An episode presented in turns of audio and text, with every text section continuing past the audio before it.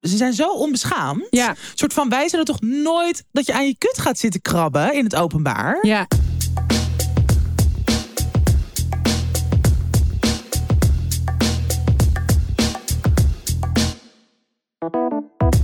Hallo en welkom bij weer een nieuwe Tussen 30 en Doodgaan, aflevering 124.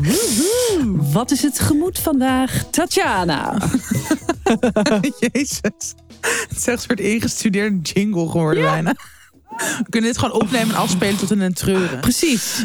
Ehm, nou, het gemoed is best wel oké. Ik, eh, we hebben het in onze eh, laatste petje af, of nou, laatste extra aflevering via Ja. de petje af pagina te beluisteren. Dat hebben we vrijdag opgenomen, geloof ik, of niet? Donderdag. En toen eh, hadden we allebei echt, waren we echt aan het klagen. Ja. Oké, er is ook wel gewoon veel aan de hand, maar dat. ehm, ja, ik had echt een soort miserische week. En daar ben ik best wel uit eh, opgeklommen. Ja. Dus ik voel me echt sinds een paar dagen veel beter. Eigenlijk ook wel echt doordat het is zo chill dat wij soms dan even zo allebei in zo'n graftakkenstemming zijn. Dat we alleen maar. Maar daarna voel ik me eigenlijk altijd beter. Het is gewoon Ja. een soort gratis therapie sessie. Ja, het is echt heel grappig. Het lucht Van kunnen zo meegenieten. Ehm, en dat is eigenlijk ook de reden waarom we dat alleen maar daar kunnen doen. Omdat het echt zo Ja. ontzettend ongenuanceerd, onredelijk Ja, is. ja. eh, waarvoor je ook echt de hele aflevering moet horen om, het- om, om het te kunnen plaatsen. En ja. Ehm, het is een beetje de ongeschreven regel dat uit betaalde afleveringen mag je niet zomaar dingen knippen. Dus ik bedoel, het is een soort van voor ons veilige omgeving om eh, ja, gewoon heel even ons grappig. ware aard te laten zien. Ja, alleen wat ik wel eh, weer ook zo typisch iets voor ons vind, dat wij doen alsof dit gewoon voice memos naar elkaar toe zijn. Alsof er niet alsnog, weet ik veel, duizend mensen of zo meeluisteren. Ja, precies. Ja, terwijl het wel gewoon zo is. Het is niet alsof er echt maar Ja. twintig mensen meeluisteren. Maar goed, boeien. In vergelijking met hoeveel mensen hier naar luisteren, is dat al een heel groot verschil. Ja. Ehm, en eh, nee, maar dat, dat, heeft- dat, dat was echt het begin van mijn opklimming weer. Dus ehm, daarna voel ik me wat beter. En dat is gewoon de afgelopen dagen doorgezet. Dus dat is fijn. Chill. Dus ik ben, eh, ik, zit, ik zit wel gewoon lekker in mijn velletje. En het regent echt tering hard. Dus eh, ja, voor de rest is alles nog steeds. De wereld gaat nog steeds naar de tering. maar gelukkig gaat het met mij heel goed. En ik heb heel erg zin in vakantie. Ik ben echt zo wel heel. Ja, ik ga dan volgend weekend eh, of een lang weekend naar Vlieland toe. Mhm. Eh, en ik heb al een tripje naar Parijs geboekt eind januari. Om daar gewoon even vijf of zelfs zes dagen. Nou ja, om ook even gewoon te gaan zitten. Wandelen, dingen doen. Dus dat, dat is het wel. Dat ik gewoon zo heel erg voel. Oh ja, ik moet echt genoeg plannen om gewoon deze barre maanden door te komen. Ja. Maar ja, ja, januari is zwaar, hè? Ja, januari en februari zijn echt moorddadige Ja. maanden. ja, en voor jou december ook al. Voor mij december ook. Ja, het is altijd zo. Ik ga, ik ga dus naar Parijs op de sterfdag van mijn moeder. Super. Dat lijkt me wel Lekker een Père Lachaise lopen. Symbolisch. Ja, lekker naar graf, graven toe.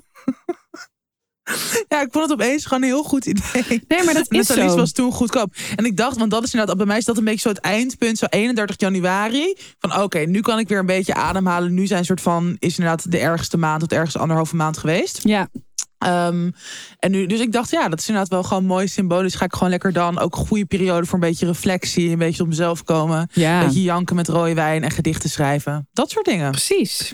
Dus fijn dat dat in het vooruitzicht ligt. Tatjana Shaffi. Mijn Lekker. middelname. Hoe ga jij? Eh, ja, ik dacht nu in één keer, oh, ik moet ook naar Parijs. Dat. Oh ja, leuk. Nou, voor jou is het echt in je achtertuin. Dus wat dat betreft. Precies. eh, super. Ehm, nou, mijn eczeem is echt weer tot een eh, hoger niveau gekropen. Ook dat heb ik even uitgebreid uitgelegd in de extra aflevering. Er was ook nog een kleine, eh, nou, een klein misverstand over een bepaalde crème. Luister de aflevering, wat mij is aangedaan. zo zielig. Ja, ehm, dus ja, mijn oogleden zijn nu wel weer dicht. Dus het is niet meer een open wond.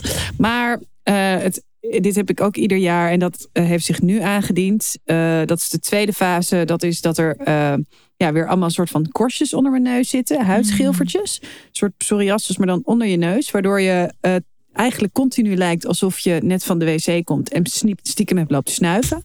Dus Super. mocht je me tegenkomen en denken... heeft Malou stiekem lopen te snuiven? Nee, Malou heeft niet stiekem lopen te snuiven. Mm. heeft heel veel last van eczeem. En ehm, ik krijg het nu ook in mijn oren. En dat jeukt verschrikkelijk. En dat is Oh, echt zo irritant. En ik ben dus nu zo iemand die midden in een gesprek zo in één keer zo... eh, zo, weet je wel? Je hebt toch van die mannen die aan hun ballen zitten als ze tegen je Ja. praten. Dat die in één keer zo even hun bal rechtleggen. Ik ben dat, Dat dus vind nu... ik- Ik steek dus nu in één keer zo mijn vingers in mijn oor. Dus mocht je met mij praten en denken... vindt Malou het niet interessant, want ze steekt haar vinger in haar oor? Nee, dan heb ik een soort van jeukaanval van mijn eczeem. En ik kan niet... Dat, het doet... Ja, serieus. Maar Oh. alsnog vind je het ook waarschijnlijk niet interessant. Laten we wel wezen. Maar ja, precies. En en. Maar mag ik heel even. Ja. Ik vind dat Ja. zo goor. Mannen die aan hun ballen zitten. Ja. Maar het zijn er best wel veel. Is er een soort. En het valt me de laatste tijd weer echt heel vaak op. Het zijn wel vaak mannen van middelbare leeftijd. Ja, Misschien dat er dan gewoon iets verandert of zo. ja ik in weet het vorm niet. of Nou ja, hygiëne. I don't know. Maar het is echt een van de goorste dingen die er is, vind Ja. ik. Nee, ik ben natuurlijk met een man van middelbare leeftijd. En qua vorm kan ik Bless niet zeggen... Ja, bless him. Het is niet iemand die aan zijn ballen zit de hele tijd, gelukkig. Nou, gelukkig maar. Maar ook- Holy fuck. maar Stel je partner doet dat. Wordt het geen tijd dat wij als vrouwen of als andere mensen, personen die daar omheen staan en daarmee geconfronteerd worden, deze mannen hier gewoon op aanspreken en zeggen: Sorry, ik ben niet aan het vertellen en jij zit aan je ballen. Ik zou, ja, Ja, misschien moeten we dat maar dat gewoon gaan doen. Maar ik word er zo ongemakkelijk van. Ik weet gewoon nooit waar ik moet kijken. Misschien moet je gewoon een soort van zo... Ja, mannen altijd naar de tieten van vrouwen kijken. of gewoon even gewoon- stoppen met praten. Ja, gewoon zo... Of gewoon zeggen, yo, gaat het? Ja, heb je hulp nodig? Gadver, nee. Straks zeggen ze ja. en dan ben jij grensoverschrijdend bezig. Oh, Ja. ba. Ba, ba, ba. Ja, dat is heel raar. Maar alsof ze er een klein rukje aan interessant- geven. Het is erg interessant fenomeen. Maar ik zou wel eens willen horen wat hier dus Precies. inderdaad... Wat er gebeurt. Want kijk, het is ook nog eens zo... Ja, soms heb je gewoon ergens jeuk. Ja, Maar het is gewoon een soort on... Bescha ja, ze zijn zo onbeschaamd. ja, Een soort van, wij zullen toch nooit dat je aan je kut gaat zitten krabben in het openbaar. ja. Echt, ik heb dat nog nooit een vrouw zien doen. Terwijl mannen doen het gewoon aan de lopende band. Ja, het is heel raar. Maar kom ons eventjes uitleggen, eh, zonder foto's, wat, eh, wat nou de bedoeling is. Wat je Goeie nou doet. disclaimer. Ja, precies, alsjeblieft. No dick pics, please. Ja, maar nee, dat, dat is dus wat er met mij aan de hand is. Verder Ja. heb ik gisteren opgetreden in Eindhoven.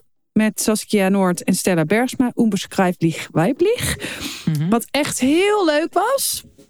Hele leuke zaal. Eh, en er zat dus, was heel grappig, want ik heb hier wel eens wat verteld over Leonie Gerritsen, waar ik op heb gestemd eh Oh ja. bij Partij voor de Dieren. En die zat dus daar in de zaal, maar die wist niet dat ik daar was. En ik wist natuurlijk ook niet dat zij er was, want Dat zij zij woont was. in Den Haag en dit was Eindhoven. Dus het was zo heel leuk achteraf. Lekker nog een Ah. beetje geborreld. Ehm, dat. En er was nog iets grappigs. Ik zat eh, heel lang met mijn moeder te appen. Mhm. En eh, ja, die had het de hele tijd over mijn vader. Van ja, Erik staat, eh, heeft echt eh, heel lang in de file gestaan. Die is naar Maastricht geweest. Joh, hij heeft echt super lang vastgestaan. En nou, laten we nog even doorkletsen. En weer van ja, nou, Erik die stond echt hartstikke lang in de file. Was echt heel lang. Mhm. denk ik, ja, oké, het zal wel. Kreeg ik later een berichtje van mijn moeder. Dit was je vader. Heeft Erik de Perik 3436 Gewoon die telefoon gekaapt. gewoon met mij zitten appen. En in de derde persoon over zichzelf zitten vertellen hoe vreselijk het voor hem was. Oh my god. dat hij zo lang je vader heeft. Wat een in- brutale vle vlegel. Ik vind echt heel grappig. Precies. Heel grappig. En brutaal inderdaad. What the fuck. Heel brutaal. Laten we verder gaan. Naar de samenwerking. Your attention, please. This is an important announcement. It's the time of the month again. Tijd voor snacks. Eh, sinds jaar en dag ons favoriete menstruatieondergoed. En waarom? Snacks is duurzaam, zit lekker, comfortabel, het staat mooi. Je hebt talloze verschillende modellen, maten, kleuren. Echt voor ieder wat wils. En natuurlijk het allerbelangrijkste. Je hoeft gewoon niet meer te klooien met maandverband en tampons. En het maakt je leven als mens met een baarmoeder iedere maand een stuk chiller. Ja, ik kan echt niet meer zonder. Nou, jij volgens mij ook. Mhm. Eh, ik word dus volgend weekend ongesteld tijdens Vlieland. Very sad. Super. Bitch. Echt super. Maar ik vind het wel echt al een relax idee dat je gewoon weet... oké, ik neem een paar van die snuksbroekjes mee... en ik hoef dan gewoon niet meer na te denken over inderdaad... hoeveel tampons ik nog heb of whatever. Eh, en dat je gewoon inderdaad wel de hele dag de hort op kan. Dus ik wil gewoon lekker heel veel gaan wandelen op het strand en zo. Maar dat je dan niet inderdaad hoeft na te denken van... oh, waar kan ik mijn tampon verwisselen? Dat is zo chill. Ja. Ehm, nou, we hebben ook een heel leuke primeur. Want wij dragen dus echt al jaren die broekjes. Maar sinds kort zijn er nu ook bijpassende Snux BH's aan het assortiment toegevoegd. Ja, ook in mooi. allemaal leuke kleurtjes. En ja, ik denk voor mensen die van setjes houden, it's me en volgens mij jij ook, Ja. eh, is het erg goed nieuws. Ja, zeker. En kijk, ik vind ondergoed van Snux dus echt het perfecte kerstcadeau. Het is ontzettend duurzaam. Je kunt jaren doen met je broekjes. Dat weten wij nu uit ervaring. We hebben zelf echt al een hele brede collectie. Ja. En ehm, ja, dat zal hetzelfde zijn met deze nieuwe BH's. En het is inderdaad heel fijn dat je nu, als je ongesteld bent, ook gewoon nog steeds een Ja. leuk setje kan dragen. Want ik voel me dan echt echt even een stuk chiller. Als je Ja. onderkleding eh, on fleek is. Eh, ik ben het meest fan van die eh, classic snacks. Ja. En eigenlijk ook het stringmodel. Daar voel ik me echt Oh, heel erg mooi in. En ehm, zit lekker, ja, fijn. Wat is jouw Ja, huidige Ja, het is, echt, het, favoriet? inderdaad, het is echt zo chill als cadeau dat je, wat jij zegt, het is duurzaam, maar ook dat je dus dat, dat het gewoon echt iets moois is. Dus dat je niet, dat vind ik altijd chill aan cadeaus om te geven, dat het en praktisch is dat je weet dat het gewoon lang mee kan gaan, maar ook dat het gewoon, dat iemand zich er gewoon inderdaad fijn en hot in kan voelen. Mhm. Eh, ik ben sinds kort fan van het high waist en het high leg model. Oh. Het staat gewoon heel mooi. Ik heb gewoon een beetje zo'n zandloperfiguur, toch? Ja. En dat, dit is gewoon best wel een soort hoog. En ik, ja, het staat echt, staat gewoon heel goed. Ja, Kan niet anders zeggen. zit hier lekker Maar- over je taille heen inderdaad. Ja, hij zit zo over mijn taille heen. Dus je ziet gewoon veel mooier die vorm. En ook bij de billen staat hij heel mooi. Ja. Dus ehm, ja, dat zijn mijn, nu, mijn eh, huidige favorieten. Maar ik heb ook wel, ik heb altijd zo één of twee dagen dat ik echt best wel hevig bloed. En dan vind ik nog steeds de hugger gewoon het beste. Want je zit gewoon echt lekker een beetje zo op een comfortabele manier ingesnoerd. Mhm. Dus het voelt gewoon een beetje zoals omhulling. En ehm, eh, die is dus ook, ja, je, al die, ehm, hoe heet het, modellen, die zijn dus ook voor eh, verschillende dagen. Dus voor sommige dagen dat je lichter eh bloedt, voor sommige dagen dat je heviger bloedt. En die hugger is dus ook echt voor de heavy days speciaal bedoeld. Ja. Dus nou, dat is fucking chill. Ehm, nou, nog even naast alle dingen die jij hebt genoemd, maar waarom Snacks nog steeds zo chill is, is dat, of nog, nog meer zo chill is, is dat de broekjes dus een echt een hele goede antibacteriale laag hebben. Die bacteriegroei en nare geurtjes voorkomt. En dus gewoon een fris en hygiënisch gevoel geeft. Eh, en heel erg goed absorbeert. Dus je hebt ook niet zo'n, naast dat het dus niet inderdaad naar ruit, heb je ook niet zo'n nat gevoel tussen je benen. Wat je, ik heb dat echt wel eens met maandverband of zo gehad. Ja joh. Dat je gewoon denkt, oh zo plakkerig en zo. Nou, dat, dat heb je hier niet. En dat je daarna nog moet Ehm, fietsen. Precies, dat soort dingen. Of tijdens sporten of zo, dat je zo voelt van, oh, het is echt een beetje zo aan het broeien. Ja. Nou ja, s'nachts hebben dus al die verschillende laagjes, waarbij je dit dus niet hebt. Fucking chill. Ehm, en eh s'nachts is gemaakt van het dunste eh, materiaal, of is het, het, het dunste menstruatieondergoed op de markt. En het staat dus onder elke outfit heel goed. Eh, true story. Ik had gisteren mijn eerste kerstetentje met vriendinnen. En we hadden dus allemaal onder onze leuke kerstjurkjes en gewoon dunne panties, hadden dus allemaal snacks aan. Heel Ik vond dat zo grappig. Ehm, dus eh, ja, tip. Ja, tip. Eh, je kunt s'nachts eventjes uitproberen. Als je niet tevreden bent, bieden ze geld teruggarantie. Oh ja, ja. Van 60 dat is ook dagen. echt heel relaxed. Ik moest Ja. heel erg lachen. Ik had het laatst eh, eh, over de snacks. Met ook een groepje vrouwen. Waaronder één iemand niet meer menstrueert. En die zei, Mhm. ik vind het discriminatie. Want ik menstrueer niet meer. En ik wil ook van die leuke hippe broekjes aan. Toen zei iemand, ja, maar jij hebt af en toe last van urineverlies. Dus dan kunnen ze ook.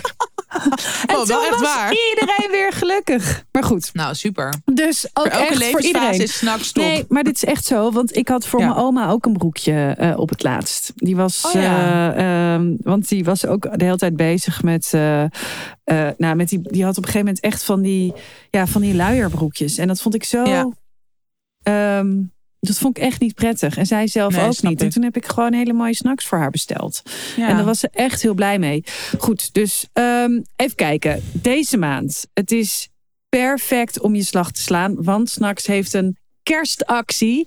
Mhm. 2 plus 1 gratis. Of 4 plus 2 gratis op het gehele assortiment. En wij mogen extra de kerstman of kerstvrouw of whatever kerstmens, Kerstpersoon. kerstmens spelen.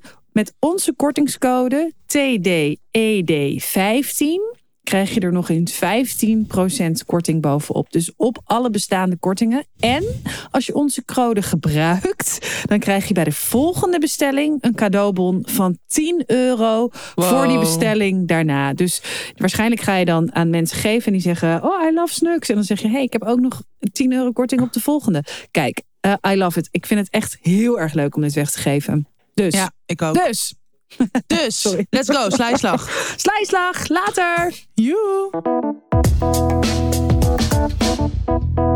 Hé, meid. Hé, meid. Wat een week weer, hè? Wat een week, wat een week. Ja, ik wilde het even kort ergens over hebben. Mhm. Een belangrijk onderwerp eh, eh, vind ik. Eh hoef het niet heel lang over te hebben. Maar verkeersveiligheid. Ehm, Wat is er gebeurd? ja, kijk, ik zit nu, omdat ik natuurlijk heel veel naar het theater ga. ehm, en ik de aller, allerliefste vriend heb van de wereld. Want die komt mij dus overal halen, omdat hij weet eh, hoe bang ik ben in de auto. Dus dat ik niet Mhm. met mensen hoef mee te rijden. Of niet alleen eh, nog naar huis moet met de trein. Mhm. Ehm, en eh, dus ik zit de laatste tijd weer veel in de auto. En ook lang. En ik zie het gewoon zo vaak net goed gaan in de Echt? auto. Ja, en het zijn vooral mensen eh, die op hun telefoon zitten. eh, dus je ziet ze al van verre, zie je ze al zo in de vangrail bijna rijden. Weet je, op de vluchtstrook zo. Of op de andere weghelft. En dan ga je ze. En ik vraag dan altijd aan wil je er alsjeblieft heel snel voorbij? Want ik ben Ja. echt heel bang dat er dan iets Ja. gebeurt. En dan Ja. gaat hij er heel snel voorbij. En dan gaat hij al zo een beetje. Eh, nou, gewoon heel hard toeteren en zijn middelvinger opsteken. En eh, dan gaan we daar zo langs. En dan zie je dus mensen op hun telefoon. En ik vind het. Ik vind het Zo naar. zo naar. Ik vind Ja. het zo ontzettend naar. Want we krijgen natuurlijk af en toe ook al. Nou, eh, nou, er wordt over gesproken om samen te werken met een, een rijschool. Met tussen 30 en doodgaan. Dat mensen het Mhm. onwijs leuk lijkt om ons dan wel rijlessen te geven. En ik Ja. wil dat ook best wel weer overwegen. Omdat ik denk, ja, we zijn ook. eh, ik ben ook alweer 15 jaar verder dan de laatste Mhm. keer dat ik heb gelest. Dus misschien. Maar Ja. als ik dan dit zie, dan denk ik van ja, ik, ik, ik wil gewoon. Ik wil me gewoon. Ik durf het gewoon niet. Ik vind het zo ontzettend eng. En mensen rijden echt zo roekeloos. Dat ik denk, ja, dan kan ik het zelf misschien straks wel. Of niet. Maar weet je, en dan. Je bent zo kwetsbaar. En ik, en ik merk dat ik weer banger word. En niet. Ja. Meestal word ik banger omdat ik dan zelf niet lekker in mijn vel zit. Is het een hele, eigenlijk een hele onrealistische angst, hè? Mhm. Dus dan heeft het te maken met mijn stresslevel. En dan word ik weer heel bang in het verkeer. Ook op de fiets. En ook eh, durf niet over te steken. Want dan denk ik gewoon dat iedereen erop uit is om mij aan te rijden. Maar nu Ja. zie ik gewoon, heb ik weer gezien. Nou, ik zie het gewoon echt heel vaak bijna fout. En ik zie ook heel veel ongelukken langs de kant van de weg. Ik sta zo vaak even in de file omdat weer iemand. Ja, Ja, volgens mij was er ook vorige week zag ik dat ook als eh, gewoon als krantenbericht in het parool. Maar dat was wel specifiek in Amsterdam. ja Maar dat er gewoon echt veel meer verkeersongelukken afgelopen jaar zijn het geweest. komt allemaal door die telefoons. Ik Ja. vind het, en ik vind het ook echt dat ze daar, volgens mij is een boete nu bijna 300 euro hè, als ze je pakken. Mhm. Maar ik hoop zo dat er ehm, manieren komen dat, je, dat, dat mensen dat gewoon kunnen zien in een auto of iemand op zijn telefoon zit. En dat je dan Ja. gewoon, net als dat als je te hard Ja. rijdt, geflitst wordt. Ja, Dat. Want ja, het is, het is zo onnodig. en zo ja gevaarlijk. gewoon en ik, fucking naar. ja, en ik word er echt heel bang van. En ik merk Ja. ook dat ik er heel bang van word. ehm, als Rinse hier weggaat uit Antwerpen met de auto. Dat ik Mm. echt opgelucht ben als hij zegt. Als hij weer thuis ik ben is, thuis. ja. En dat als hij een keer het niet meteen zegt. Of, of in de file heeft gestaan. Of weet ik veel wat. Dat ik dan hartstikke bang word daarvan. Ja. En Oh. eh, ja, ik eh, ben benieuwd hoe, hoe dat zich gaat eh, eh, ontwikkelen verder. Want ik ben heel erg bang dat ik zo meteen weer echt niet- meer durf. Nee, echt niet meer de auto Ja. durf. Ja. Dus Wat kloterig. Mhm. Mm. Maar het is, ook, het is ook lastig hierin dat, kijk, natuurlijk, je, je, je wil een soort modus vinden in angst of in paniek. En dat Ja. is natuurlijk ook dat het bij jou dan een soort van extra trigger is. Maar hierbij is het ook nog eens zo dat, ja, het is niet helemaal ongefundeerd. Of het is niet helemaal onrealistisch. Want het is gewoon iets wat dus ook eh, eigenlijk dus alleen maar erger wordt. Ja joh, en ik was gisteren ook eventjes met iemand in de auto. Die kwam me ophalen van het station om me even ergens af te zetten. Jezus man, en die reed hard. Gewoon, weet je wel, ergens waar je 30 mag, 60 rijden. Ik, ik denk Maar wat zeg, zeg je dan wel gewoon iets van, yo. Ja, ja, ja. Dat. En ik heb ook een andere vriendin. Echt een van mijn beste vriendinnen. En ze weet dat ik dit van haar vind. Maar ze rijdt als een bezetene. En ik, maar ik snap het gewoon niet. Ik snap niet. Ik ben Nee. zo van de regels als het om Maar zo verkeer gaat. roekeloos zijn mensen Ja. ook hierin. En wat ik echt niet begrijp, en dat is hier in België nog veel raarder. Nee, Dat echt, als je er verstand van hebt, kom het me uitleggen, alsjeblieft. Maar van die kruispunten, waar alles tegelijk op groen gaat. Hoe In, kan dat? in Amsterdam heb je er ook een paar. Je had er eentje bij de Willem de Zwijgerlaan. Eh, nou, daar is echt een keertje een dodelijk ongeluk. eh, niet één, maar meerdere hebben die daar plaatsgevonden. Dat hebben ze nu veranderd. Oh ja. maar dat als je Ja. naar rechts gaat, dat je ook met de fiets kan. Dus dat als je Ja. oversteekt als fietser, dat je ook nog eventjes zeker moet weten dat je niet van de weg wordt gereden, omdat je niet wordt gezien, omdat. Maar dit is eigenlijk bij best wel veel dingen zo. ja, Bedenk me nu. maar ja. ik, ik snap er geen reet van. Het is toch een stoplicht. Doe het dan om's de beurt. Doe het Ja. gewoon om's de beurt. Alle fietsers gelijk. En daarna, weet je wel, dat je in zo'n vierkant. Maar ook van die dingen dat je, dat je het niet af kan slaan. En dan uiteindelijk staat zo'n heel kruispunt helemaal vast. Met mensen die op elkaar moeten wachten. Mensen gaan toeteren. Want iedereen is een ongeduldige klootzak. Helemaal met een stuur in je hand. Mhm. Ja, ik, ik snap het. Ik, snap je? Ik snap het niet. Dus ik snap niet dat je, dat je te hard rijdt. Ik snap niet dat je met, met de telefoon achter het stuur gaat. Ik snap het niet. En, Nee. en daardoor is het zo. ehm, wordt deze angst zo gevoed door me, bij mij. Waarom zou je dat doen? Dat denk ik echt. Ik vind ook, als je, als je 30 kilometer te hard rijdt, dan krijg je gewoon een boete. Weet je wel, zo'n boete. Waarvan ik, terwijl ik denk, ja, waarom kost dat niet 2000 euro? Nee, maar ja, ja, ja. maar waarom ja. niet? Want je kan toch gewoon normaal 100 rijden of normaal 120 rijden. Waarom? Waarom? Waarom? Dat. Ik weet het ook niet. Maar de, ja, Waarom nee, niet? goede vragen. ik kan Dus ik weet het niet. Ik heb nog nooit in een auto eh, achter een stuur gezeten. Nee, maar ik vind het, het is wel inderdaad interessant. Vooral dus als, eh, nou ja, dus best wel een buitenstaander van iemand die dus geen rijbewijs heeft, die nog nooit achter een stuur heeft gezeten. Dat je, als je er gewoon inderdaad zo logisch of rationeel nu over nadenkt, dat je denkt, wow, ja, je speelt gewoon echt met je leven en met dat van anderen. ja, Eh, maar mensen zijn hier gewoon, er is iets waardoor ze dat dus niet meer beseffen en waardoor ze gewoon dit gedrag ja, bij zichzelf tolereren, toestaan, normaal vinden ook. ja, precies. Maar dat, ja, ik ging ook opzoeken, want dit is natuurlijk ook weer hoe ik in elkaar zit. Want dan wil ik het begrijpen, omdat ik dan denk dat het minder wordt. Hmm. Eh, ik ging kijken hoeveel straf je krijgt eh, als je een dodelijk ongeluk veroorzaakt. ja. Eh, en dat is echt heel weinig. En, hele, en ook, zeg maar, dat kan alleen maar met 50% eh, eh, de straf wordt dan 50% hoger als je bijvoorbeeld roekeloos hebt gereden, bijvoorbeeld 120 waar je 30 mag, of eh, hebt gedronken. ja, onder invloed. Weet je, en, ja. dan, en dan nog ehm, zijn die straffen eh, niet zo. Ik, ik ben altijd bang dat als ik dit soort dingen zeg, dat ik dan heel erg op Geert Wilders begin te lijken. en de straffen moeten hoger. En de, Wat een gelijkenis. Maar- Meer politie op de Nee, weg. maar ik vond het zo erg, want ik, ik hoorde iets op, op Radio 1 en dan hoorde ik over mensen die ehm, gewoon door fucking idioot te doen iemand zijn verloren. Of doordat iemand anders zich niet heeft kunnen gedragen in het verkeer. Gewoon de regels aan zijn laars. Of iemand hebben verloren. En dan iemand is gewoon uit je leven weggerukt. En dan Mhm. gaat iemand drie jaar, weet je wel, na drie jaar, ja, en dat, ja, ik vind ik, nou, dat. Ik heb daar Ja. heel veel moeite mee met die regels. En als je Mhm. daarvoor kiest die regels te overtreden. Ik vind dat je daarna nooit meer in een auto mag stappen. Nooit. Dat soort dingen.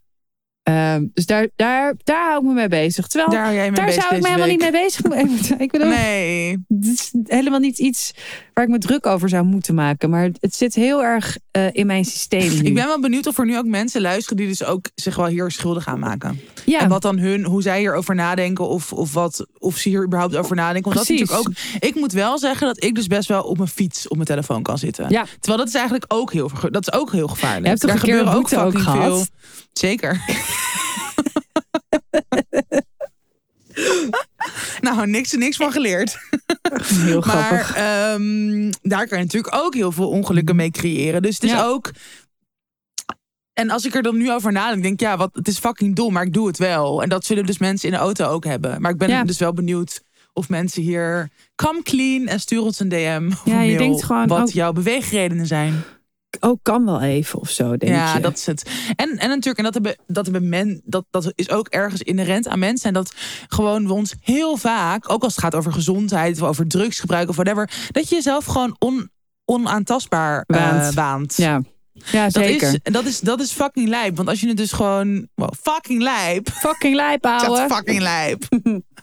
nee, maar als je dat dus inderdaad op een logische manier weet je, wel, gaat ontwarren, ja, dan zal iedereen zeggen het is gevaarlijk en het slaat nergens op. Maar er is toch iets in ons wat dus op verschillende in verschillende situaties, op verschillende momenten, dus toch dit soort keuzes maakt. Ja, En, ook, en ik denk dat het dus juist ook te maken heeft met een soort van. ehm, jezelf een bepaald soort verantwoordelijkheid ontzeggen. Van, oh, maar dit geldt niet echt voor mij. Ja. Of ik, weet je, ik kijk echt maar één seconde. Ik kan heel goed multitasken. Dit gaat mij nooit gebeuren. Terwijl ja, dat is natuurlijk gewoon onzin. ja, precies. Kijk, en ik weet dat het bij mij ook echt wel eh, wat belangrijker is voor andere mensen. Dat mensen zich aan regeltjes houden. dat vind ik belangrijk. Hypocriet. Ehm, Waar is je ketting? Ja, ja boven. Ehm, maar, nee, maar kijk, anders dan raak ik natuurlijk in de war. Dat, dat Ja. is bij mij, eh, dat gevoel van in de war zijn, is bij mij wat sterker als het gaat over regeltjes en structuur. Ehm, nee, maar ja, ik kan, er, ik kan er echt heel erg mee zitten. En ik krijg het er ook eventjes niet uit.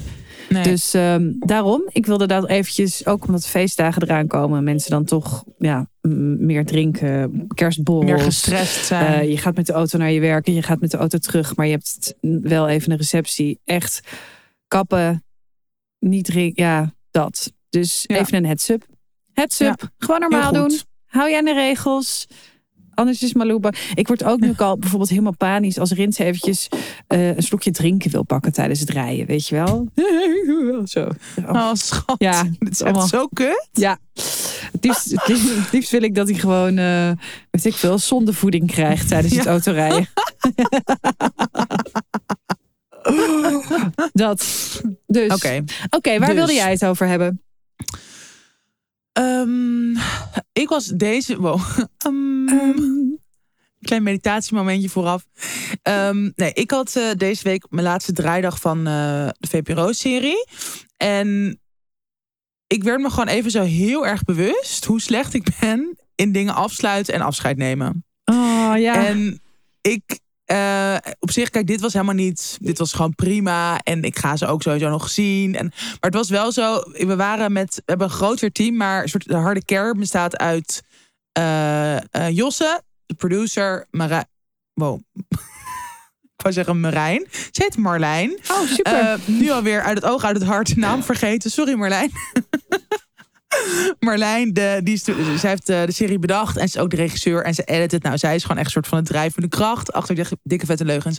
Maar wij waren met z'n drie dat we eigenlijk vanaf augustus tot nu, midden december, eh, minimaal één keer per week een draaidag hadden. Nou, soms waren het ook meer draaidagen, dus met een groter team in de studio bij de VPRO. Maar met z'n drie hebben we gewoon bijna, hebben we eigenlijk al die TikToks eruit geramd. Ja. Gewoon in de woonkamer van Marlijn. En wij hebben, nou, dus vanaf au- augustus best wel een lange tijd natuurlijk. Heel veel, dus gewoon met elkaar gespendeerd. Dit waren ook best wel, was echt een soort nieuw experimenteel eh, project. Best wel veel dingen met z'n drieën, dus soort van uitgevogeld. Ik was natuurlijk voor het eerst in een soort ja, pre- presentatierol. nou, niet een soort. ehm, je was gewoon de presentator van die ja. serie. Ja. Ja, nee, ja, true. Ehm, en Nou, gewoon echt heel leuk, heel goed gehad samen, fucking leerzaam. En dan is zo'n laatste draaidag er. En ik ben al dan zo dagen een beetje zo van... oh, oh ja, dit gaat gebeuren, dit gaat gebeuren. Eh, gewoon eigenlijk, dan, dan weet ik ook niet hoe ik me erover voel. Dus dan ga ik al mijn soort van... toch een beetje soort afsluiten of zo. Eh, en wat gewoon heel grappig is, Jos en ik kunnen allebei echt een soort van totaal hysterisch doen. All over the place. "Ah!" Echt een soort, we gaan ook altijd in de, zij, zij haalt, of haalde en brengde mij. Bracht mij, Jezus. En Jezus zal zich tot u keren. Ah, dat heb ik wel nodig. Ehm, nee, zij haalde en bracht mij. En dan gingen we ook altijd zo Britney Spears keihard meezingen. Zo ben je echt een beetje zo teenage girl energy unlocked met z'n tweeën. En Marlijn is gewoon best wel een soort nuchter, droog. eh, hele, jij zou haar echt geweldig, of jij zou haar ja, echt geweldig vinden qua zwarte humor. Echt lijpe grappen maakt zij de hele dag door. Maar ook gewoon iets, weet je wel, meer down to earth. Nou, Jos en ik de hele dag dan een soort van half dramatisch van... oh, het is de laatste draaidag, end of an era. Weet je, helemaal dat. Maar, en toen dacht ik van ja, dat, zijn dus, dat is een beetje een soort van mijn twee... ehm, ja, twee standen eigenlijk die ik heb. Of ik ben een soort van mega melodra- melodramatisch en heel emotioneel. En dat ik eigenlijk een soort van denk... Dit is het einde van de wereld. Hoe, weet je wel, dit, dit is zo kut. Nou, helemaal dat. Of ik ben gewoon een soort van super onderkoeld. Dus al het gevoel wegduwen. En gewoon een soort van talk to you never. Dit was het. En nou, ik vond het gewoon wel interessant dat. Dus ik ben heel erg benieuwd hoe jij hier ook in zit. Of, hoe, hoe, of jij hier goed in bent. Of dat ik heb gewoon best wel grote afscheiden ook gehad in mijn leven. Ja. Gewoon veel mensen die dood zijn gegaan op vroege leeftijd. Eh, of nou, ook familieleden die, weet je wel, allemaal in het buitenland woonden of gingen wonen. Vrienden die gingen emigreren. Gewoon best wel veel afscheid moeten nemen. Maar voor iemand die zo vaak afscheid heeft moeten nemen, ben ik er echt vrij slecht in. en kan ik gewoon, ik kan gewoon niet een soort normaal doen of zo. Ik kan gewoon dat niet goed reguleren. Hoe, ja, hoe werkt dat bij jou? Hmm, grappig.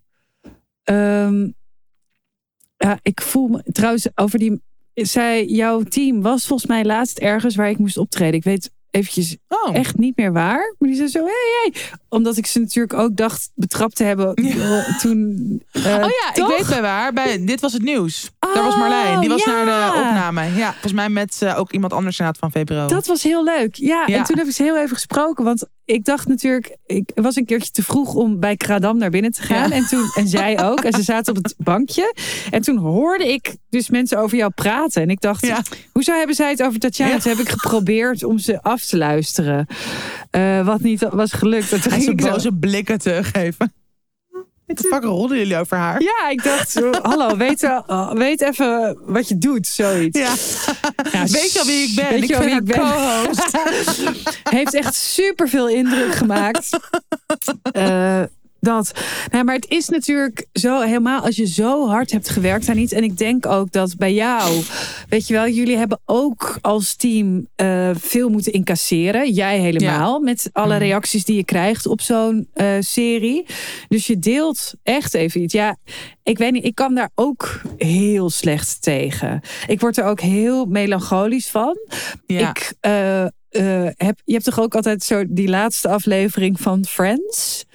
Ja. Als ik die kijk, dan, dan denk ik, ja, ja, zo voelt Dit het. En dat heb het, ik ook ja. als ik inderdaad vier keer iets nu met, met in het theater met Stella en Saskia denk ik, oh, oh dit, ja, dit, Dit was het dan ooit- Ja, ja, ja. dat, weet je wel. En, maar ehm, ik troost me dus wel altijd met de gedachte dat dit eigenlijk het allerleukst is wat er bestaat aan ons werk. Dus weer op een nieuwe in, in een nieuwe omgeving terechtkomen en daar ja, weer zo'n nieuwe situatie kan creëren en iets nieuws kan gaan maken met andere mensen. En dat vind ik dus wel, dat is dus het enige goede aan dat het afloopt, dat er weer ruimte komt om dat nog eens te kunnen doen. Ja, ja, dat is echt waar. En daar het is hou ook- ik me dan ja. maar een beetje aan vast.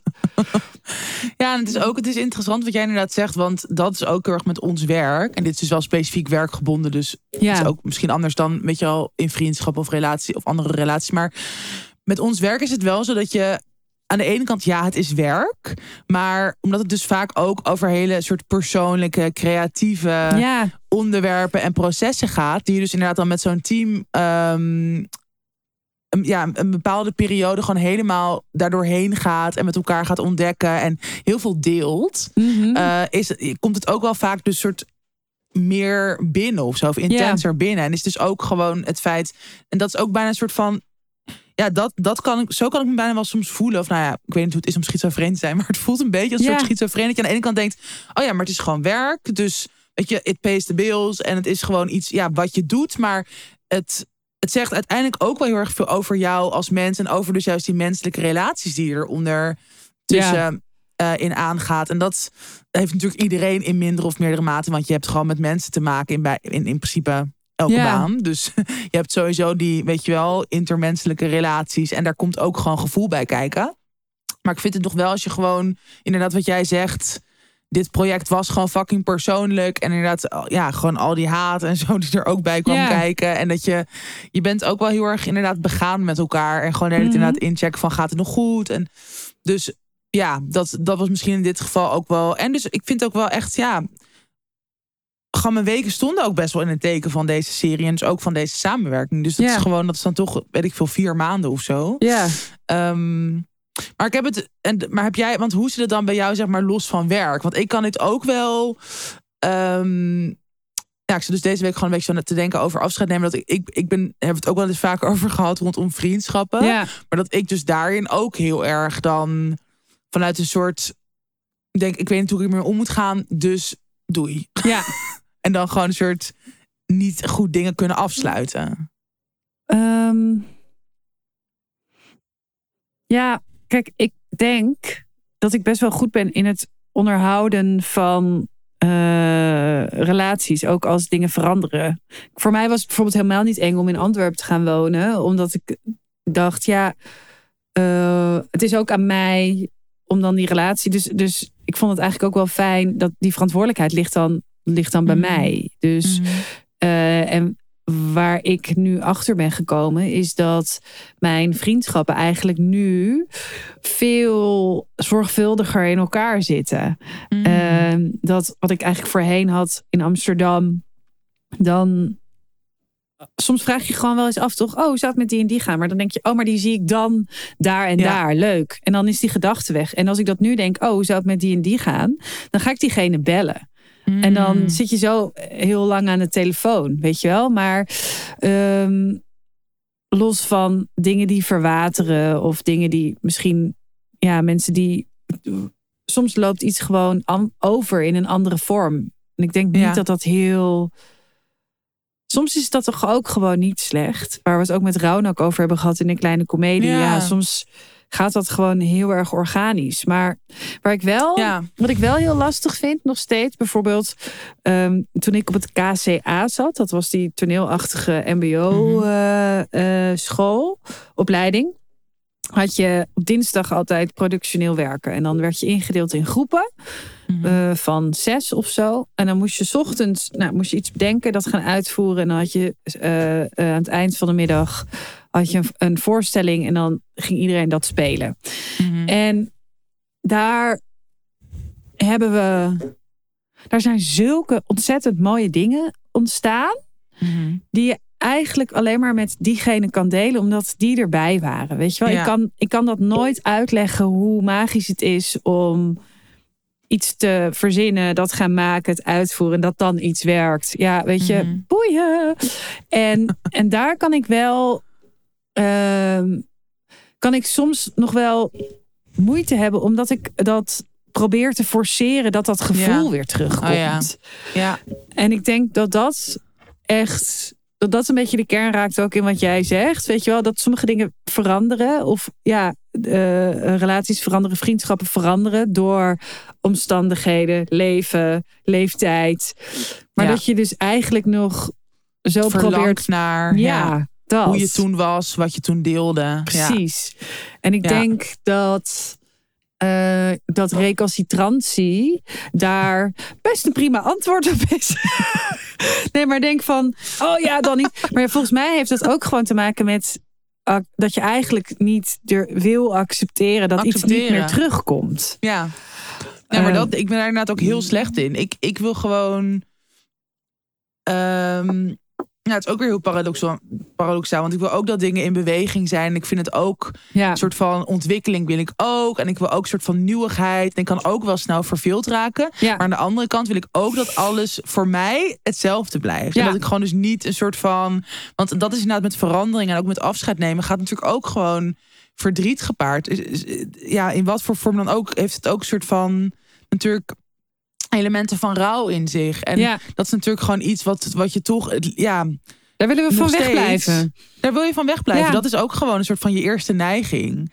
Ehm, en dat. eh, ja, maar ik vind wel, het het is inderdaad heel erg waar wat je zegt, dat het zeg maar niet erg hoeft te zijn. Of dat het ook gewoon is hoe het gaat. Maar dan moet je natuurlijk wel dat zelf echt voelen van, het is voor mij nu oké. Ja, precies. En niet een soort van, want daar zit natuurlijk een verschil in. Of je echt voelt van het is oké en dan. Of je gaat het dan een soort uitmaken, ook in vriendschap. Of, of je Ja. zegt inderdaad met een werkrelatie van oké, dit was het, fine. ja, want je hebt heel- natuurlijk heel- ook wel eens mensen waarbij je denkt... Oh, ik ben zo blij dat dit over is. Met deze persoon hoef ik nooit meer samen te werken. Precies. Of dat je gewoon inderdaad denkt, nou, het was gewoon prima, maar weet je wel, verder ook niet heel interessant of boeiend of Precies. vervullend. Ehm, of dat en in vriendschappen, dat, dat vond ik ook wel van rouwelijk van ja, je, je, je, het is ook een keuze om het te laten doodbloeden. Dat hoeft echt niet alles het ergste te zijn, als dat ook een Nee. soort mutual is. Ja, Maar je hebt natuurlijk ook de andere kant, en die ken ik gewoon wel iets te goed. ja, Dat je gewoon uit ongemak of dat je bang bent voor confrontatie of omdat je zelf eigenlijk te veel voelt, Mhm. dat je dan dus gewoon Ja. weg gaat duwen of Ja. gaat onderdrukken. ja. Of dat je bijvoorbeeld ook, dat kan ik ook heel erg in liefde hebben, dat er iets is wat even moeilijk gaat en dat je dan denkt, zie je wel, het werkt niet. Laat of jij maar. bent stom of het past niet bij elkaar, laat maar. En dat is natuurlijk wel iets, als je dat de hele tijd blijft doen of in, in, in eh, stand blijft houden, ja, dan, dan ga je nooit soort van wezenlijke of echt, weet je wel, intieme relaties aan. Ja, Op elk gebied van je leven, in de liefde, in vriendschap, familie, werk. ja. Dus het is natuurlijk wel, en dat heeft heel erg te maken ook weer met verantwoordelijkheid nemen. ja, zeker. Met gewoon ook een soort van spiegel naar jezelf. En bij dingen. En ook, ook weer gewoon bij dingen stilstaan en er ruimte voor maken. Want dat had ik deze week dan ook. Dat ik had eigenlijk een fucking drukke week. En daarom duw je dan ook maar een beetje zo dat naderende, naderende afscheid of zo weg. Weet je wel. Van Ja. oh ja, oké, laatste draaidag maar. En ook heel erg van oh ja, maar we gaan elkaar toch nog zien. Wat ook allemaal is. Maar Ja. ik had nu wel dat ik dacht, oh ja, we hebben nog in januari of zo een soort rap party. Wat Leuk. voorafgaand aan het, aan het grote VPRO-feest. Waar ik voor het eerst naartoe mag in mijn leven. Oh. Ja, dus dat wordt. ehm, waarschijnlijk in de extra aflevering ga ik hier allemaal juice van spillen. Leuk. Nee, maar dan hebben we gewoon ook nog een lunch met het team. En toen dacht ik wel van, oh ja, daar wil ik dan wel een soort van even bewuster bij stilstaan of zo. Weet je wel? En ook van wat er dan komt qua gevoel of, of niet. Dat is ook helemaal prima. Maar dat je iets, gewoon het, ja, het heeft ook weer met bewustzijn te maken. En met gewoon daar dan Ja. gehoor aan geven of zo. Nou, ik vind het ook altijd wel leuk met dat soort dingen om gewoon echt even eh, een momentje te pakken om iedereen Precies. te bedanken, weet je wel. Ja, precies. Dat soort dingen. Ja. Ja, ik heb één keer heb ik echt eh, het meest verschrikkelijke feestje gehad, afscheidsfeestje. En ik wilde geen afscheidsfeestje op de redactie met iedereen. Ik wilde het echt heel klein, maar ik ging daar natuurlijk niet eh, heel chill weg. Mhm. En, eh, en toen ha- had ik een etentje en iemand had gekookt. En die had ten eerste gekookt uit een kookboek waar alleen maar fruit in verwerkt was. Dus ik, Eeuw. alle, alle gangen waren warm fruit. En hij had van tevoren gevraagd, volgens mij heb ik dit al een keer verteld, maar hij had van tevoren gevraagd, is er iets waar je, ehm, waar, waar je niet van houdt? En toen zei ik, nee hoor, nee, nee, nee, ik eet gewoon alles. En, maar ik had nooit gedacht, want ik bedoel, weet je, als er een keertje ergens een uh, Rozijn, een rozijn, verdwaalde whatever, rozijn. dan, uh, maar goed, en what are the chances? Uh, maar goed, hij had dus ja, echt vier gangen gestoomde meloen met weet ik veel wat. En nou, uh, dat Oh, allemaal. En uh, we zaten, heftig nieuws. En we zaten met mensen zo aan tafel die uh, het alleen maar over werk gingen hebben. Dus ik zat op mijn eigen afscheidsfeestje te luisteren naar mensen die het over werk hadden. Die nog werkten op het werk waar ik ook nog heel graag had willen werken, maar waar ik niet meer werkte. Oh, wat kut. Ja, het was echt. En gelukkig was er één iemand anders die dat ook de hele tijd zo. Maar het was dus. Er hing een beetje in de lucht dat. Volgens mij waren ze bang dat ik nog eventjes, weet je wel, want ik had ook Ja, een wel een paar mensen een uitbrander zou geven. Want Ja.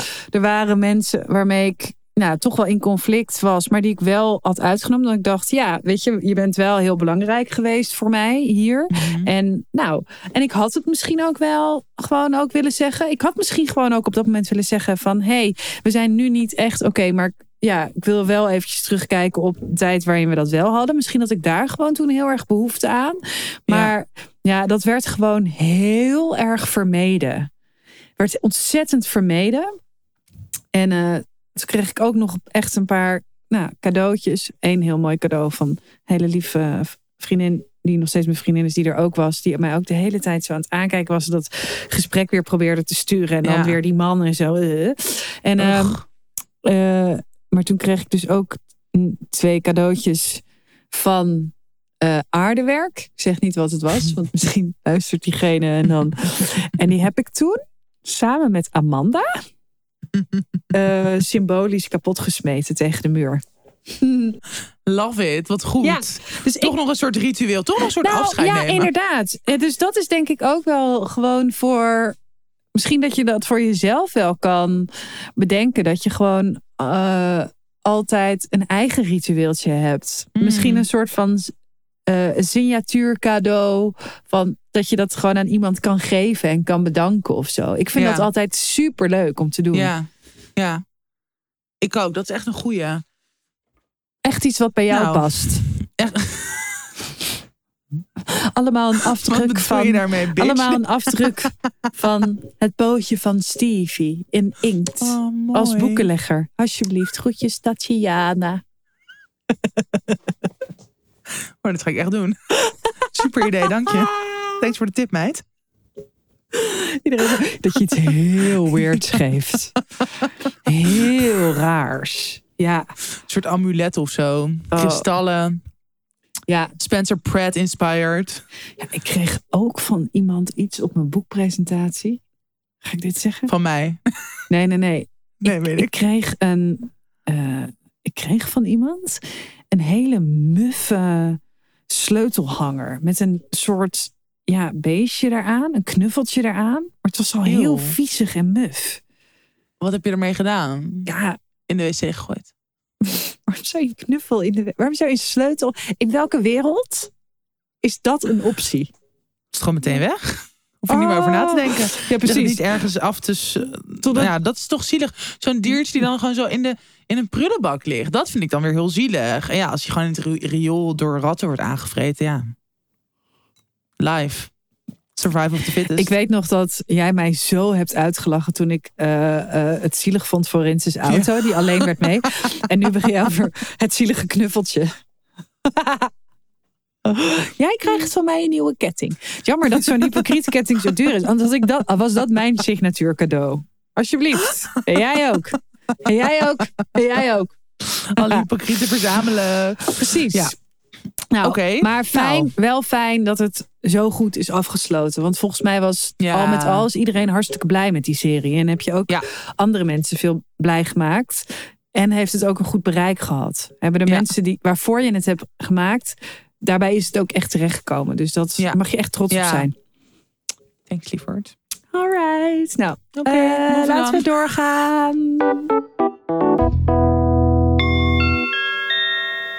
Your attention, please. This is an important announcement. Ja, het is weer tijd voor een heel fijne en vooral lekkere terugkerende samenwerking, namelijk met de Chocolate Makers. We hebben het begin deze maand al eh, eh, gehad over die heerlijke vegan chocoladeletters waar wij Ja. van hebben gesmuld. En nu kerst eraan komt, hebben de Chocolate Makers ook weer iets heel fijns bedacht. Zeker, maar je gaat weer eens veel te snel.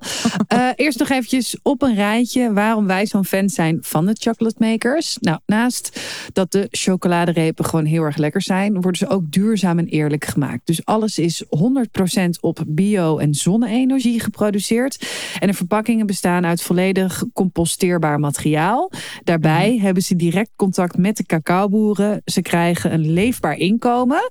Eh, nou, dat Ja. is zeker niet overal zo. En ja, Nee. alles is ook gewoon nog heel erg lekker. Als je weet dat het niet lijkvervuilend is. eh, En dat het in slechte omstandigheden wordt geproduceerd. Nou, ik vind het dus echt heel leuk om een kerstcadeautje te geven aan andere freelancende eh, vrienden of nou, collega's. Goede collega's die eh, dus ook geen kerstpakket krijgen via een werkgever. Ah, ja. Maar ik ben, kijk, vroeger ging ik dan gewoon zo allemaal dingen online bestellen. Weet je wel, van voor die, die, voor die, die. Maar ja, daar, dat ga ik gewoon niet meer doen. Ik wil wel echt meer een soort mindful daarmee omgaan. En niet onder allemaal inderdaad slechte, vervuilende omstandigheden duizend kerstcadeaus kopen. Ehm, en ik vind het ook wel, ik ben er hier vorig ook al mee begonnen, dat je gewoon zo echt van die persoonlijke pakketjes maakt. Weet je wel, van oh ja, die, voor die heb ik dit in de gedachten, voor die, die. Wow, ik ben hele die, die, die, die, die. Maar je snapt mijn punt. Ehm, want dan gaan we dat samenstellen. Je denkt er gewoon langer over na. Het is een soort intiemer, persoonlijker. Ehm, ja, dus daar, daar ben ik nu mee bezig. Leuk. Nou, Ja, en er zijn speciale kerstgrepen voor ontwikkeld van de Chocolate Makers. ja Eh, en die, passen daar passen. heel goed bij. Ja, ze hebben deze maand hun meest populaire smaken in een mooie kerstverpakking gestoken. Nou, Mhm. het ziet er heel cute en feestelijk uit. Eh, wat is jouw favoriet nu? Nou, ik vind echt vooral ook zo in de eh, decembermaand dat je gewoon zo knusig binnen. En dan vind ik de eh, melk met speculaaskoekjes heel lekker. Ja. Die is gewoon echt zo. Ja, het heeft ook gewoon iets pepernoterigs nog. En ja, het voelt inderdaad heel feestelijk. En helemaal met zo'n mooie ehm, eh, verpakking eromheen. Heerlijk leuk met typerend dat jij ook nog steeds geen afscheid wil nemen van de pepernoot. Wow, zo on brand. Ja, Nee, maar wel echt waar. En het is net wat jij zegt. Het ziet er gewoon heel cute uit. Dus je hebt zo met bijvoorbeeld een kerstman. Gewoon heel erg zo in het, in het eh, december thema. Dus ja. ja. Maar goed, dus melk en eh speculaaskoekjes. En wat is jouw eh, favo op dit moment? ja, ik ben toch gewoon wel een salted karamelmeid. Ja, Ja. typisch. Ik wil Beetje er- basic, maar wel lekker. Ja, ik wil er een gezichtsmasker van. Lekker, jongen. Nou, misschien kunnen de chocolate makers dat ook providen. Ja. Nee, het is Voor gewoon, Valentijnsdag. oh, heerlijk. Gezichtsmasker. In mijn gezicht smeren. Ik wil dat Oh, opeten. lekker. Ja. Lekker. Cute. Ehm, ja, wij mochten vroeger thuis op eh, kerstavond mochten we altijd zo'n ja, echt wel zo'n Amerikaanse traditie, maar dan zo'n kerstsok ophangen, Oh, weet je wel, aan de trap. Heel leuk. En daarbij dacht ik nu opeens, oh ja, als dat jouw traditie is, is dit ook echt een perfect cadeau. Ja. Want het ziet er dus cute uit. Je hebt niet een soort van extra verpakking nodig. En het is gewoon fucking lekker. Ik bedoel, voor iedereen, ja, net zoals inderdaad met Sinterklaas, eh chocoladeletters, is dit ook gewoon een fucking leuk kerstcadeautje. Ja, precies. En lekker. Of je nou op kantoor werkt of eh, eventjes iets aan je collega's geven. Je kan alle repen loskopen. Maar heb je nou heel veel collega's, dan kan je ook een box kopen. Dus dat is Ja. echt heel chill. En dat is eigenlijk ook wel heel chill voor thuis. Ik vind het Ja. altijd leuk om in huis te hebben. Omdat als mensen even toevallig komen voor de koffie. eh, dat je dan zo'n leuk schaaltje kan maken met allemaal speciale chocolaatjes. Of Dat als je gezellig. eters krijgt. Dat als je dan later bij het dessert nog even lekker een stukje chocola kan geven. Ja. Nou, goeie. Oké, nou, we hebben allemaal eh, goede ideeën aangedragen, al zeg ik het zelf. Vind ik ook. Ehm, Ik vind dat we het goed doen. Ik vind ook dat we het goed doen. Je weet wat je te doen staat. Check chocolatemakers.nl slash productcategorie slash de... Nou, dit is een hele lange link die we gewoon in de show notes Ja, gaan zetten. Check de link in de show Eh, notes. check de link Slash in de show notes. We mogen namelijk weer ook een heel lekkere korting geven. Wat ook wel gewoon chill is. Vooral als je lekker zo'n box inderdaad gaat bestellen.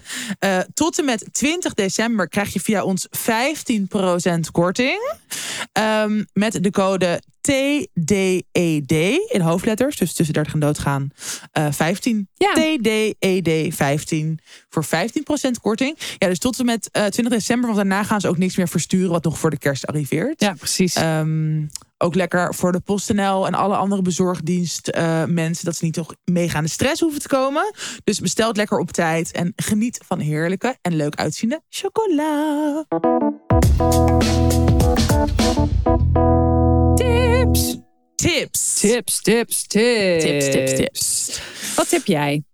Ehm, ik heb een docu die ik ehm, al heel lang wilde zien, maar ik was hem een beetje vergeten. En opeens kwam weer op mijn, op mijn radar. En dat is de docu White Balls on the Wall. En dat gaat eigenlijk over eh, het Stedelijk Museum. Oh, die met een soort. Sorry.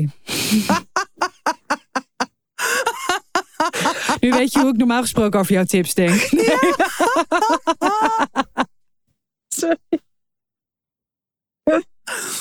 Wow.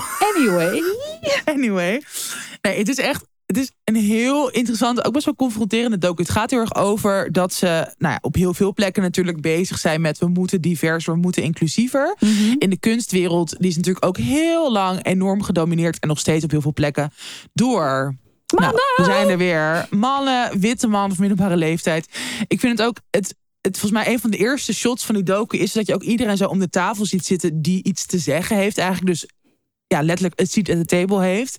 En dat, nou, het zijn ook wel vrouwen, maar iedereen is wit. Mhm. En het is gewoon, die docu gaat er dan over, over dat soort proces eh, van hoe pak je dit aan. Ja. En het is, soort, het is heel schurend. Je ziet mensen, je hoort mensen echt vaak echt een beetje, ja, domme, ignorant opmerkingen maken vanuit hun ivoren torentje. Maar je ziet ook mensen die wel echt willing zijn om echt die verandering eh, te bereiken.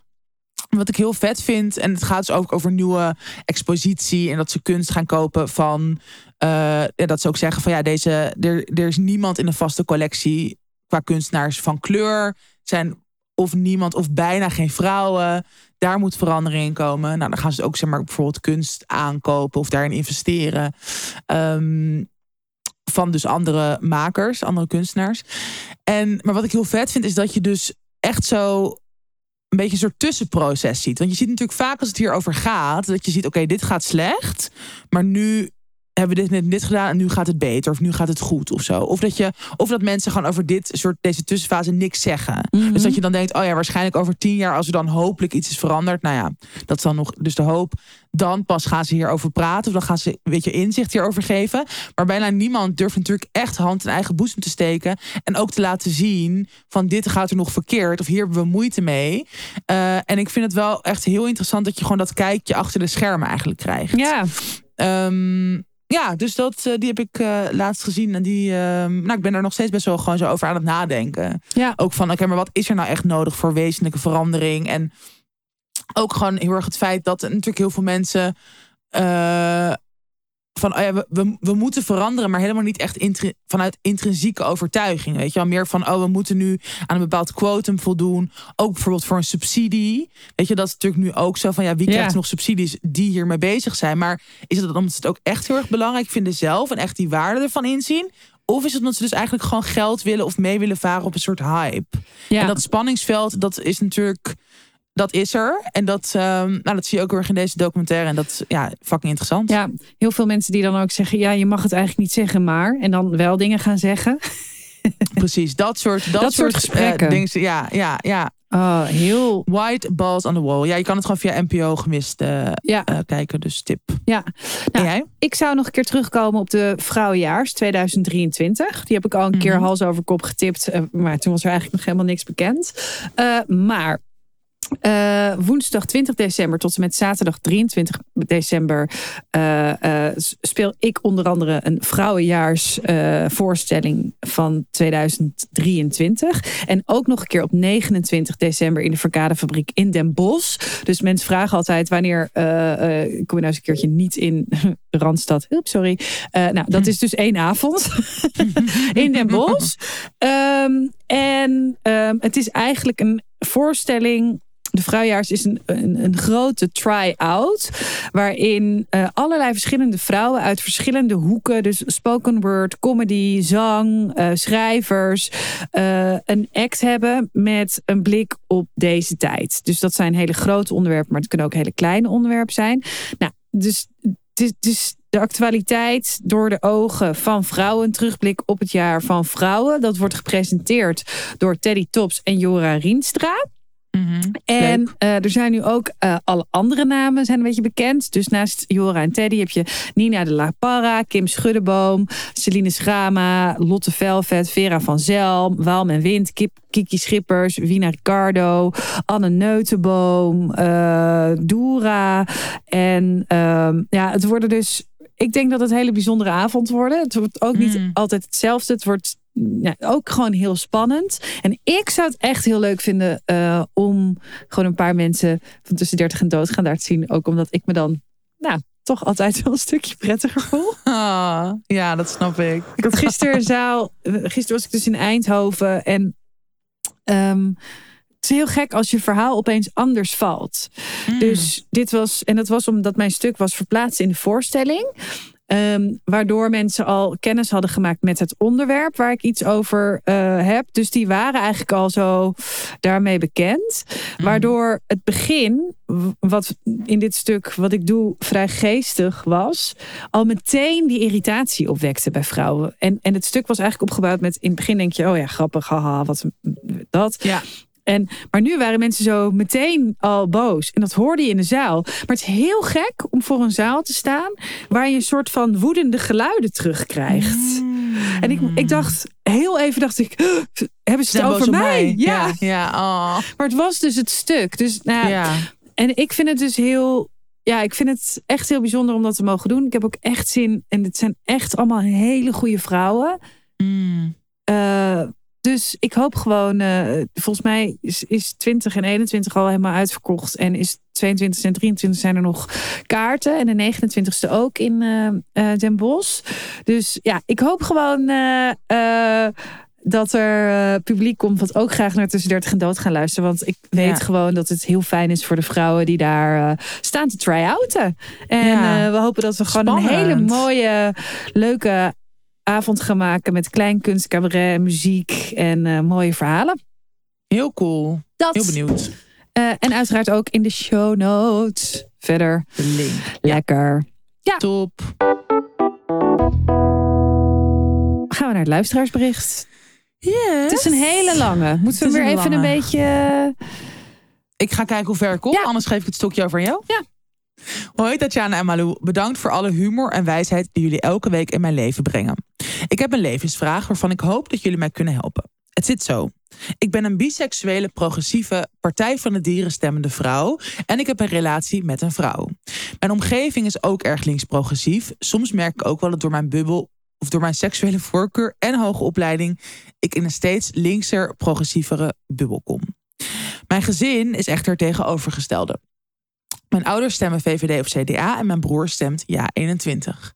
Mijn vader snapt niet dat transgender zijn geen keuze is. Hij noemt dit een trend en haalt allerlei zogenaamde feiten aan dat er steeds meer transgender mensen zijn. Waaruit hij concludeert dat dit, door, dat dit door de media komt in plaats van door de verworven vrijheden van minderheden die eindelijk ruimte krijgen voor zaken die buiten de cis-heet norm vallen. Mijn broer vindt dat gay zijn die door de strot wordt geduwd en dat dit niet overal gezien hoeft te worden. Als ik hun wijs op hun bevoorrechte positie als witte mannen, draaien ze het toch weer om. Dat alle linkse mensen tegen hen zeggen dat omdat ze man zijn en wit, dat zij zogenaamd de zielige minderheid nu vormen en niks meer mogen vinden. Mm. Zoveel ignorance kan ik eigenlijk gewoon niet meer aan. Ik ben in huilen uitgebarsten tijdens onze laatste discussie, omdat zij ook heel erg raken aan mijn identiteit, biseksueel en vrouw. En mijn vrienden, die veelal non-binair, lesbisch, homo en transgender zijn. En omdat ze gewoon echt niet naar mij lijken te willen luisteren. Zelfs de toon van mijn emotie deed niet erg veel. Ze bleven bij hun punten. Hoewel ze wel zeiden dat ze vonden dat ik hen niet goed begreep als ik zo emotioneel werd. Ehm, ik merk dat ik eigenlijk geen zin meer heb om het met hen hierover te hebben. Maar dat het me ook erg verdrietig maakt dat ik ze niet kan bereiken. Dat ze niet naar mij luisteren en dat het nu ook een wicht begint te drijven tussen ons. Ik hoef bijvoorbeeld mijn vader en broer eigenlijk niet meer te zien. Want in mijn hoofd zijn dat nu twee asociale, bevoorrechte mensen die niet openstaan voor andere denkbeelden. Wat zouden jullie doen? Moet ik mij juist meer voor hen openstellen? Moeten we stoppen met praten over deze zaken? Moet ik gewoon alleen nog maar met mijn moeder afspreken? Ik ben benieuwd hoe jullie dit zouden aanpakken. Hmm. Oeh, ik vind het heel herkenbaar. Mhm. Ehm, dit heb ik eh, nou, niet in, in mijn omgeving met vrienden en, en zo, maar wel in mijn familie. eh, komt dit ook heel erg voor. Ja. En ehm, eigenlijk wat ik doe, is eh, niet meer de discussie aangaan. En dat heb, heb ik eigenlijk besloten na. Eh, dat ik het boek heb gelezen in de extra aflevering van Lammert Kamphuis. eh, Verslaafd aan ons eigen gelijk. Die heel erg goed uitlegt waarom we eigenlijk niet meer in staat zijn om naar elkaar te luisteren en om van gedachten te veranderen. Ehm, en eh, hij heeft daar. Dus dat boek, dat tip ik sowieso. Dat moet je echt lezen. Als je hiermee zit, dat Mm. maakt heel veel dingen duidelijk. En het geeft je ook handvaten om bijvoorbeeld als zo'n als zo'n vader zo gaat oreren over dat ze transgender zijn. En eh, dat eh, er was één zin. En die zei van, wist je dat mensen die heel vaak het hoogste woord hebben over een onderwerp, daar eigenlijk geen verstand van hebben. En eigenlijk, weet je wel, dat is dan feitelijk. Ja, die en er juist ook onzeker over zijn eigenlijk. Eigenlijk daar heel onzeker over zijn. En, Ja. en, en daar hing dan ook weer een onderzoek aan vast. Wist je dat uit onderzoek is gebleken dat mensen die zich heel Ja. fel uitspreken over een onderwerp, er eigenlijk niet zoveel van af weten in, the- in Mm. theorie. Dat dat. Ja, dat. Ehm, wat ik eh, heel vaak nu zeg. Als het gaat over, ik ken dit gesprek, ook over eh, transgender mensen dat ik zeg: Oh ja, ja, maar ik geloof niet echt dat het iets te maken heeft met jouw leefwereld. Ehm, wel met die van mij. En ik heb daar andere gevoelens over dan jij. En ik vind het eigenlijk heel onprettig ehm, dat jij zo oordeelt over mijn leefomgeving, omdat je Mhm. mij geen vragen stelt. Als jij met mij hierover in gesprek wil, eh, dan wil ik dat ook. Maar ik heb ook geleerd dat mensen die geen vragen stellen ook geen eh, interesse hebben in de andere kant van het verhaal. Dus Mm. ik heb geen interesse in jouw kant van het verhaal. eh, om, omdat jij mij geen vragen stelt. En als jij hier met mij over wil praten, ehm, dan sta ik daar uiteraard voor open. Maar laten we het dan, eh, in plaats van dat jij mij vertelt hoe ik erover na eh, denk en ik jou vertel hoe ik erover denk, laten we dan als basisprincipe voor dit gesprek houden dat we elk- elkaar hier vragen over stellen. ja. En anders eh, skip ik het liever. Anders Ja. is het voor mij niet prettig om dit gesprek te voeren. Dat, is- zo zou ik het doen. ja, ja, dat is echt een goeie. Ik wil best met jullie over deze onderwerpen praten. Maar eigenlijk alleen eh, als jullie er echt in geïnteresseerd zijn. Dus ja, stel me een vraag erover. Ja. Nou, ik vind dat van dit vind ik een hele goede aanpak. Want ik ben, ik moet zeggen dat ik op dit moment in mijn leven eigenlijk niet of nauwelijks word geconfronteerd in directe omgeving met mensen die dus inderdaad echt over dit soort onderwerpen totaal anders denken. Ja. Daar heb ik ook best wel bewust voor gekozen. Ik heb, ook, ik heb namelijk al familieleden, maar er trouwens niet echt bewust voor gekozen. Dat ging over andere onderwerpen, waardoor ik geen Ja. contact meer met hen nu wil. Maar dit was een fijne weet- bijkomstigheid. Precies, ja. Precies dat. Maar ik ben me wel de laatste tijd gewoon heel erg bewust, ook natuurlijk na de verkiezingsuitslagen, van er zijn, en dat wist ik wel, maar nu weer extra met de neus op de feiten gedrukt. Er zijn zoveel mensen die totaal anders denken. Mhm. Het heeft ook niet zoveel zin om daar altijd een soort van dichte deur tegen te houden. Want ja, je bent toch, weet je, je, je ik wil in ieder geval wel ook proberen om dan meer het gesprek aan te gaan met anders denken. Omdat het anders wel heel erg. Ja.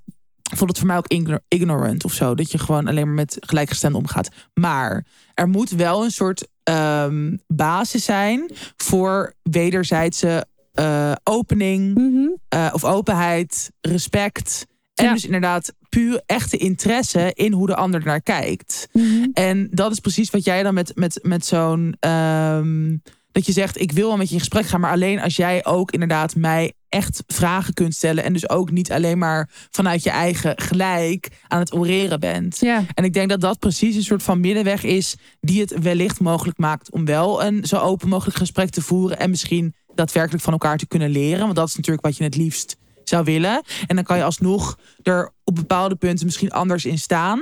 En dan wel op een gegeven moment zeggen van nou, agree to disagree hierop. Heel kut. Ja. Want natuurlijk wil je vooral van je. Want laten we daarmee beginnen eigenlijk. Het is natuurlijk inderdaad heel verdrietig dat je gewoon van je. eh, weet je wel, naaste familie. Of, of gewoon Ja. mensen die je ook heel erg dierbaar zijn. En waar je ook heel veel mee hebt gedeeld in je leven. Dat je gewoon op dit soort wezenlijke eh, onderwerpen die voor jou, weet je wel, heel belangrijk zijn. En ook gewoon dus met je eigen identiteit en levensvisie. En de manier hoe jij je leven inricht te maken hebben. Ja. Heeft, hebben. I don't know ja. is dat Boeien. gewoon heel verdrietig dat je, dat je elkaar daarin dus niet kan vinden. In ieder geval op dit moment. En natuurlijk hoop je dat dus, weet je wel, zij meer open gaan staan. En dat ze meer eh, ja, hierin van jou willen leren. Precies. En nou, ik denk dus wat jij zegt, dat, dat het een hele goede, heel goed beginpunt is. En dan hoop je dat daar natuurlijk inderdaad wel weer Ja. meer beweging in komt. Dat je, ja. Eh, en- En Ja. Ik denk wel dat als je op een gegeven moment merkt van... er zit echt, zij komen echt niet, weet je wel, over de brug of ze blijven echt met hun hakken in het zand. Dan mag je wel op een gegeven moment ook, als het voor jou dit moment zo voelt, wel ook gewoon even zeggen van jongens, ik, ik trek het niet meer om jullie op dit moment, weet je, een hele, op een Ja. hele actieve manier in mijn leven. Dat, daar mag je wel echt naar jezelf, in naar jezelf luisteren en grenzen stellen. Zeker. Dat, dat ook. in die gesprekken stel ook vooral je grens. Hè? Ik bedoel, het is niet Ja. zo dat omdat zij jou alles mogen vragen, zij daarna ook alles tegen jou mogen zeggen in antwoord op vragen die Nee. jij hebt. En nog even een klein tipje. Ik gooi hem er gewoon weer even in. De vraag. Wat bedoel je precies? Hmm. Eh, maar wat bedoel je nou precies? En wat bedoel je daar nou precies mee? Werkt in dit soort dingen altijd heel, Heel erg goed. goed. Ja. Waarom, en waarom is dit iets waar jij je zo druk om maakt? Wa- Wat bedoel je daar precies mee? En Hmm. kan je, kan je uitleggen waarom dat precies dan nu zo in jouw hoofd de hele tijd zit? Dat soort vragen stellen. Dus eigenlijk gewoon heel subtiel zeggen. Denk jij eens eventjes heel goed na over of jij wel de juiste bent die Ja. eh, iets te zeggen heeft over de onderwerpen waar jij je nu zo druk om maakt. Lazer op. Ja. Dus ehm, Ja, ja, ik hoop gewoon. ehm, eh, ik hoop dat het helpt. Ik hoop dat. eh, eigenlijk eh, hoop ik uiteindelijk dat mensen daarna gewoon. ja, jou ook weer wat meer zien. Hmm. Daar gaat het over natuurlijk. Je wil gewoon gezien worden op een Tuurlijk. Fijne manier door je, je omgeving. Eh, ook al denken ze anders. Dus ja, sterkte daarmee. En dat boek van Ja. Lammert Kamphuis dus. Eh, Ja. Gelijk, eh, of eh, verslaafd aan ons eigen gelijk. ons eigen gelijk. Ja, goeie. Alright. Alright, zet hem op. Nou, this was it. This was it. Nou, nee, niet helemaal. Nee. We willen nog even iets zeggen. Namelijk dat we echt eh, heel, heel, heel veel leuke nieuwe leden hebben gekregen. Ja. Eh, bij onze extra afleveringen. En dan specifiek ook. Of nou ja, we, we lezen elke maand een boek. Dus we hebben eigenlijk ook gewoon een leesclub. Met Ja. onze extra De Huiskamer podcast aflevering. Die we via Petje, eh, petje, Petje af. Af. Produceren. Hoe zeg je dat? Maken, ja, die we Maken. daarop zetten. Ja. Ja, die we daarop zetten. Ehm, nou, echt heel leuk dat, eh, dat jullie in zulke grote getalen erbij zijn gekomen. Nou, nog even een reminder. Vanaf nu lezen we het, eh, de komende maand lezen we het nieuwe boek van Dolly Elderton. Lang op gewacht. Ja. Nieuwe roman. Good Material heet die. ja, en we kijken in Eternal Sunshine of the Spotless Mind. Ja. Eh, echt mijn lievelingsfilm met Kate Winslet en Jim Carrey. Het is Ja, prachtig, geweldig. dus ik heb zo'n zin om daar met jou over te Te praten. Ik ook. Heel veel zin. Ehm, en mocht je nog geen lid zijn van de huiskamer, maar wel zin hebben. eh, in de laatste afleveringen lezen we bijvoorbeeld Bijna Niets Gebeurt Toevallig. Van Fanny van der Rijt en Tamar Bot van de Mediameiden. Boek dat zeker heel veel heeft losgemaakt bij mij. Dus mocht je eh, gaan luisteren, dan weet je in ieder geval welk boek je ook nog kan gaan lezen. ja. Ehm, ja, dat. ja, want dat is wel dat is leuk eh, als je dus nu nog lid wordt. We maken deze extra aflevering ook alweer een jaar of langer dan een jaar, jaar. 14 afleveringen staan er voor je 14 klaar. aflevering, dus ruim een jaar. Elke week of elke maand dus een nieuwe aflevering. En die kun je dus ook allemaal nog terugluisteren. Mhm. Mocht je een soort in je kerstvakantie denken... nou, ik heb Ja. eigenlijk wel zin om gewoon even een soort voorraadje... eh, nou, en dus mooie boeken, series, films bespreken we. Maar ook, we geven ook gewoon... Ja, ik noem het even juice, maar we vertellen daar echt nog wel veel meer dan hier. Juist omdat we dus het gevoel hebben dat Ja, het daar in een kleiner, intiemer gezelschap allemaal kan. En je krijgt het humeur zo ongefilterd als het is. Kijk, Ja. voor de reguliere afzendingen, als er hier iemand zo zagrijnig is dat ze niet kan praten. eh, Proberen we nog een klein beetje te filteren en op te lappen. Maar daar daar niet. niet. en ik kan je zeggen, iemand is recalcitrant. Hmm. En die kijkt nu weg. Ja. Fuck you. Anyway, eh, Eh, anyway. mocht, je, ehm, mocht je nog een kerstcadeau zoeken voor een van je vrienden. eh, Hmm. Je kan je vrienden ook een paar maanden de huiskamer cadeau geven. Van tussen 30 en doodgaan. Het kost Leuk 2 idee. euro per maand. Dus dan kan je, ja, je kan daar dus vanaf of- 2 euro. Je mag ons ook veel meer geld geven als je daar zin in Absoluut, hebt. mag. En ja, dus je kan dus of een derde haver cappuccino kopen.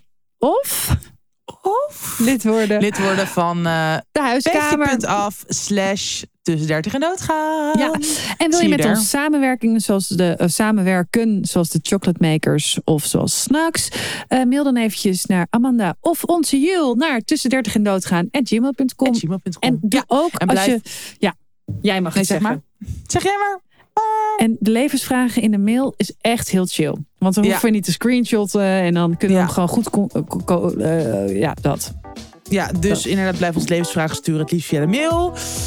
Ehm, Ik ben zorg helemaal... eh, eh, ik ben nu, as we speak, ongesteld geworden. Dus ik ben helemaal on brand. Oké, schat, nou, ren moet naar je rennen. snups toe. We zijn klaar. Even de wissel. Tot volgende week. Later. Later. you